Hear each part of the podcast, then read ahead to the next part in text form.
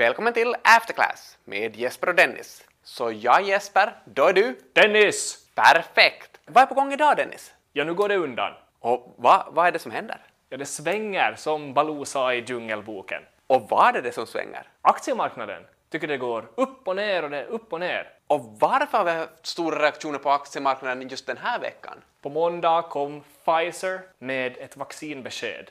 Ett vaccin mot vad? Corona. Så du säger att aktiepriserna går upp och ner. Egentligen, om man tänker bara så här lite mer teoretiskt, varför förändras aktieprisen? Om man tänker på värdet av ett bolag så skulle vi väl kanske ha de förväntade framtida kassaströmmarna som man diskonterar till nuvärde. Okej, så det, egentligen så är priset då två komponenter.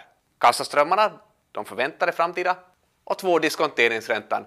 Och om priset förändras så har det skett en förändring i någon av de här komponenterna. Jag tror att alla förstår kassaströmmar, kan tänka sig vad det är, och diskonteringsräntan är egentligen någon typ av prissättning för risk. Tanken är att desto mer risk bolaget har, desto högre kommer diskonteringsräntan vara och desto lägre kommer priset vara. Kanske tillräckligt med det. Vilka bolag är det som har svängt? Pfizer, som sagt, upp 7,7 procent vid den här vaccindagen. Och Pfizer är väl det bolaget som har utvecklat det här vaccinet. Ja, eller de har kommit längst så att säga nu och hittat hitta bevis för att kanske 90 procent klarar sig utan corona om man tar det här vaccinet. Finns det några andra bolag som har försökt utveckla vaccin? Ja, det är väl många som är med på bollen. AstraZeneca, Johnson Johnson. Intressant med Johnson Johnson, det är väl ett sådant bolag som har höjt dividenden i typ 58 år i rad.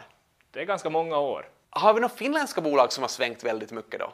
Det var egentligen corona-förlorarna blev nu vinnare och vice versa. Så en corona-förlorare var ju Finnair som kanske inte fick flyga så mycket under den här värsta krisen. Gick då upp 65 procent. Det blev take-off. Igen, du pratar här om coronaförlorarna, så vilka är de här branscherna som har varit coronaförlorare? Flygbranschen som sagt, energibolag, kryssningsfartyg. Nu är det bull race som gäller. Okej, vilka bolag har varit coronavinnare, eller vilka branscher har varit coronavinnare? Teknikbolag till exempel, vi pratade ju om Zoom en gång. Ja, Reaktionen på den här vaccinnyheten så var minus 18 procent. hur gick det då för det här andra bolaget med tickern Zoom? Ja, det där bolaget som vi pratade om i avsnitt 8, Zoom Technologies, det här Peking-baserade bolaget. Sanningen är den att ingenting hände för dem, för de har nu bytt ticker till ZTNO, så det var ganska stiltje. Om vi då tänker på de här procenten då, så Finnair 65 procent upp. Zoom minus 18 procent. Om vi tar Finnair då, det här 65 procent och kopplar tillbaka det till det här vad som orsakar prisförändringar. Så vad var det som orsakade att Finnair gick upp så mycket nu? Det är båda komponenter som berörs här. Dels de förväntade framtida kassaströmmarna, så att om det kommer ett vaccin kanske man får börja flyga lite mera igen. Sen är det väl också den här riskkomponenten. Så att risken med finner går ner. Om man tänker då på Zoom, minus 18 procent, är det kanske så att man tänker att desto längre den här coronakrisen ska ha pågått, desto mer ska bolag ha blivit vana med de här videomötena. Så i princip att man skriver ner lite de här förväntade framtida kassaströmmarna. Men är det så att stora procent är någonting som man lätt så här imponeras av? Det måste man väl ändå säga. Ta Zoom som exempel, minus 18. Men man måste ju komma ihåg att det var kanske plus 500 från början av året. Så en sån här relativt liten nedgång då egentligen från en väldigt stor uppgång. I Finnairs fall 65 procent, så egentligen då helt okej om man tänker på att Finnair från första början hade gått ner med hälften ungefär från början av året.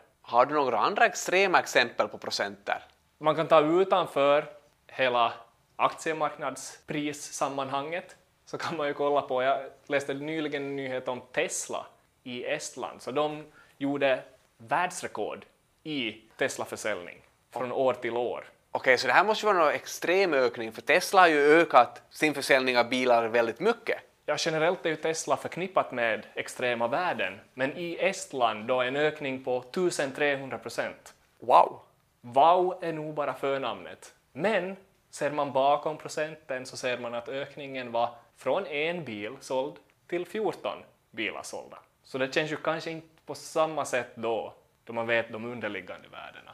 Ett annat exempel, Sampo, har varit lite i, i nyheterna här på sistone. Du vet Sampo? De är väl ägare av Nordea och If åtminstone, och lite annat. Mm.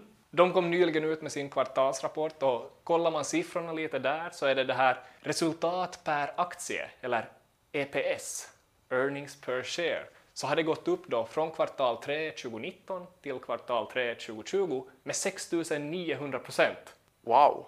En mycket stor wow-faktor där. Ser jag förbi siffran som procentsatsen säger så ser jag att det är en ökning från 0,01 till 0,7. Så det är ett dåligt värde som har blivit lite bättre helt enkelt. Så det känns ju som att man genom procenter kan få väldigt sån här, det är lite effektsökeri det här också. Och det blir väl lite febrigt överlag om man ser sådana här stora procenttal, Finnair 65 procent upp. Okej, kanske man borde vara med. Men om vi då försöker se förbi det här lite och försöker ta ut något verkligt värde kring det här. Så om vi börjar med Pfizer, 7,7 procent upp. Hur mycket ökade Pfizers marknadsvärde? Det är ju ett sånt här gigantiskt läkemedelsbolag i USA det där.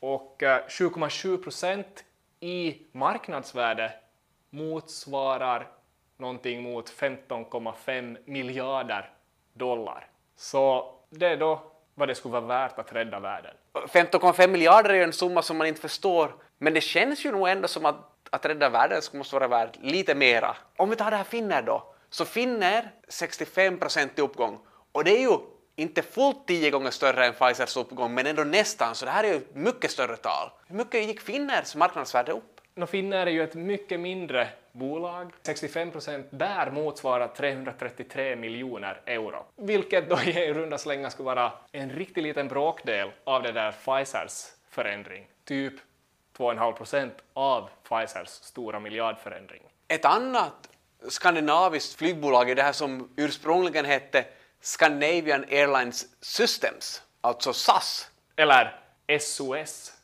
Save Our Souls. Okej, nu, ja, nu, nu hijackade nog faktiskt min plan lite, men SAS gick alltså upp 32 procent, så inte fullt lika mycket som Finnair, men ändå en hel del.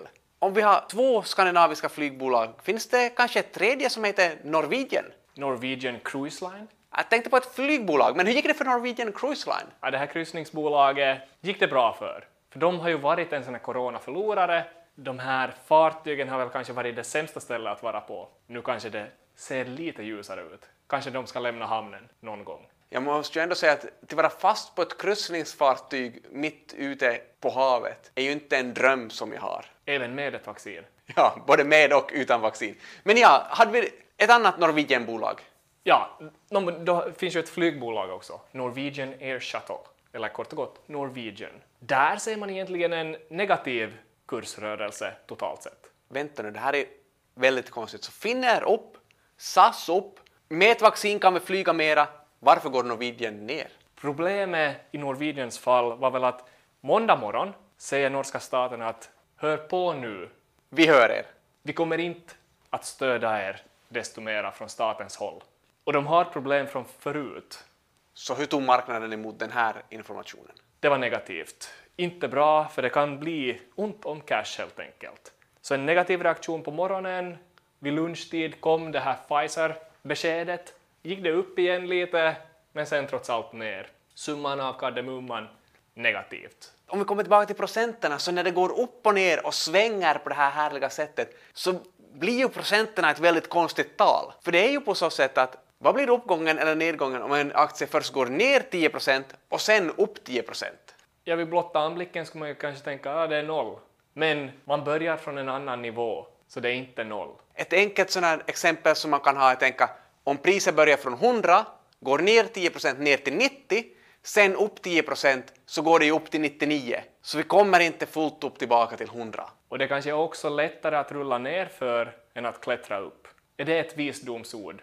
Ja, kanske. Ett annat som man brukar säga är att aktiemarknaden tar hissen ner men trapporna upp. Så det kanske är lite samma idé. Men vi är på samma spår här. Om vi igen går tillbaka till Pfizer, för inte nog med att de gick upp 7,7 procent, det hände ju också någonting med Pfizers VD. Albert Borla, som han heter. Han skulle ha sålt ganska mycket aktier i sitt eget bolag. upp till ett belopp av 5,6 miljoner dollar strax efter det här beskedet. Så det är lite intressant. Tycker man så här allmänt att försäljningar är bra eller dåligt? Kan man ha en tanke att det kanske inte kommer att gå så bra, men det finns många orsaker varför man ska kunna sälja. Hade Albert någon förklaring till var, varför han sålde? Han sa att han hade bestämt sig redan i augusti för det här. Det var förklaringen. Han hade tagit det här beslutet för länge sedan, i augusti. Har de börjat fundera på den här vaccinproduktionen redan i augusti eller vad det Jag vet inte, fanns det här corona i augusti?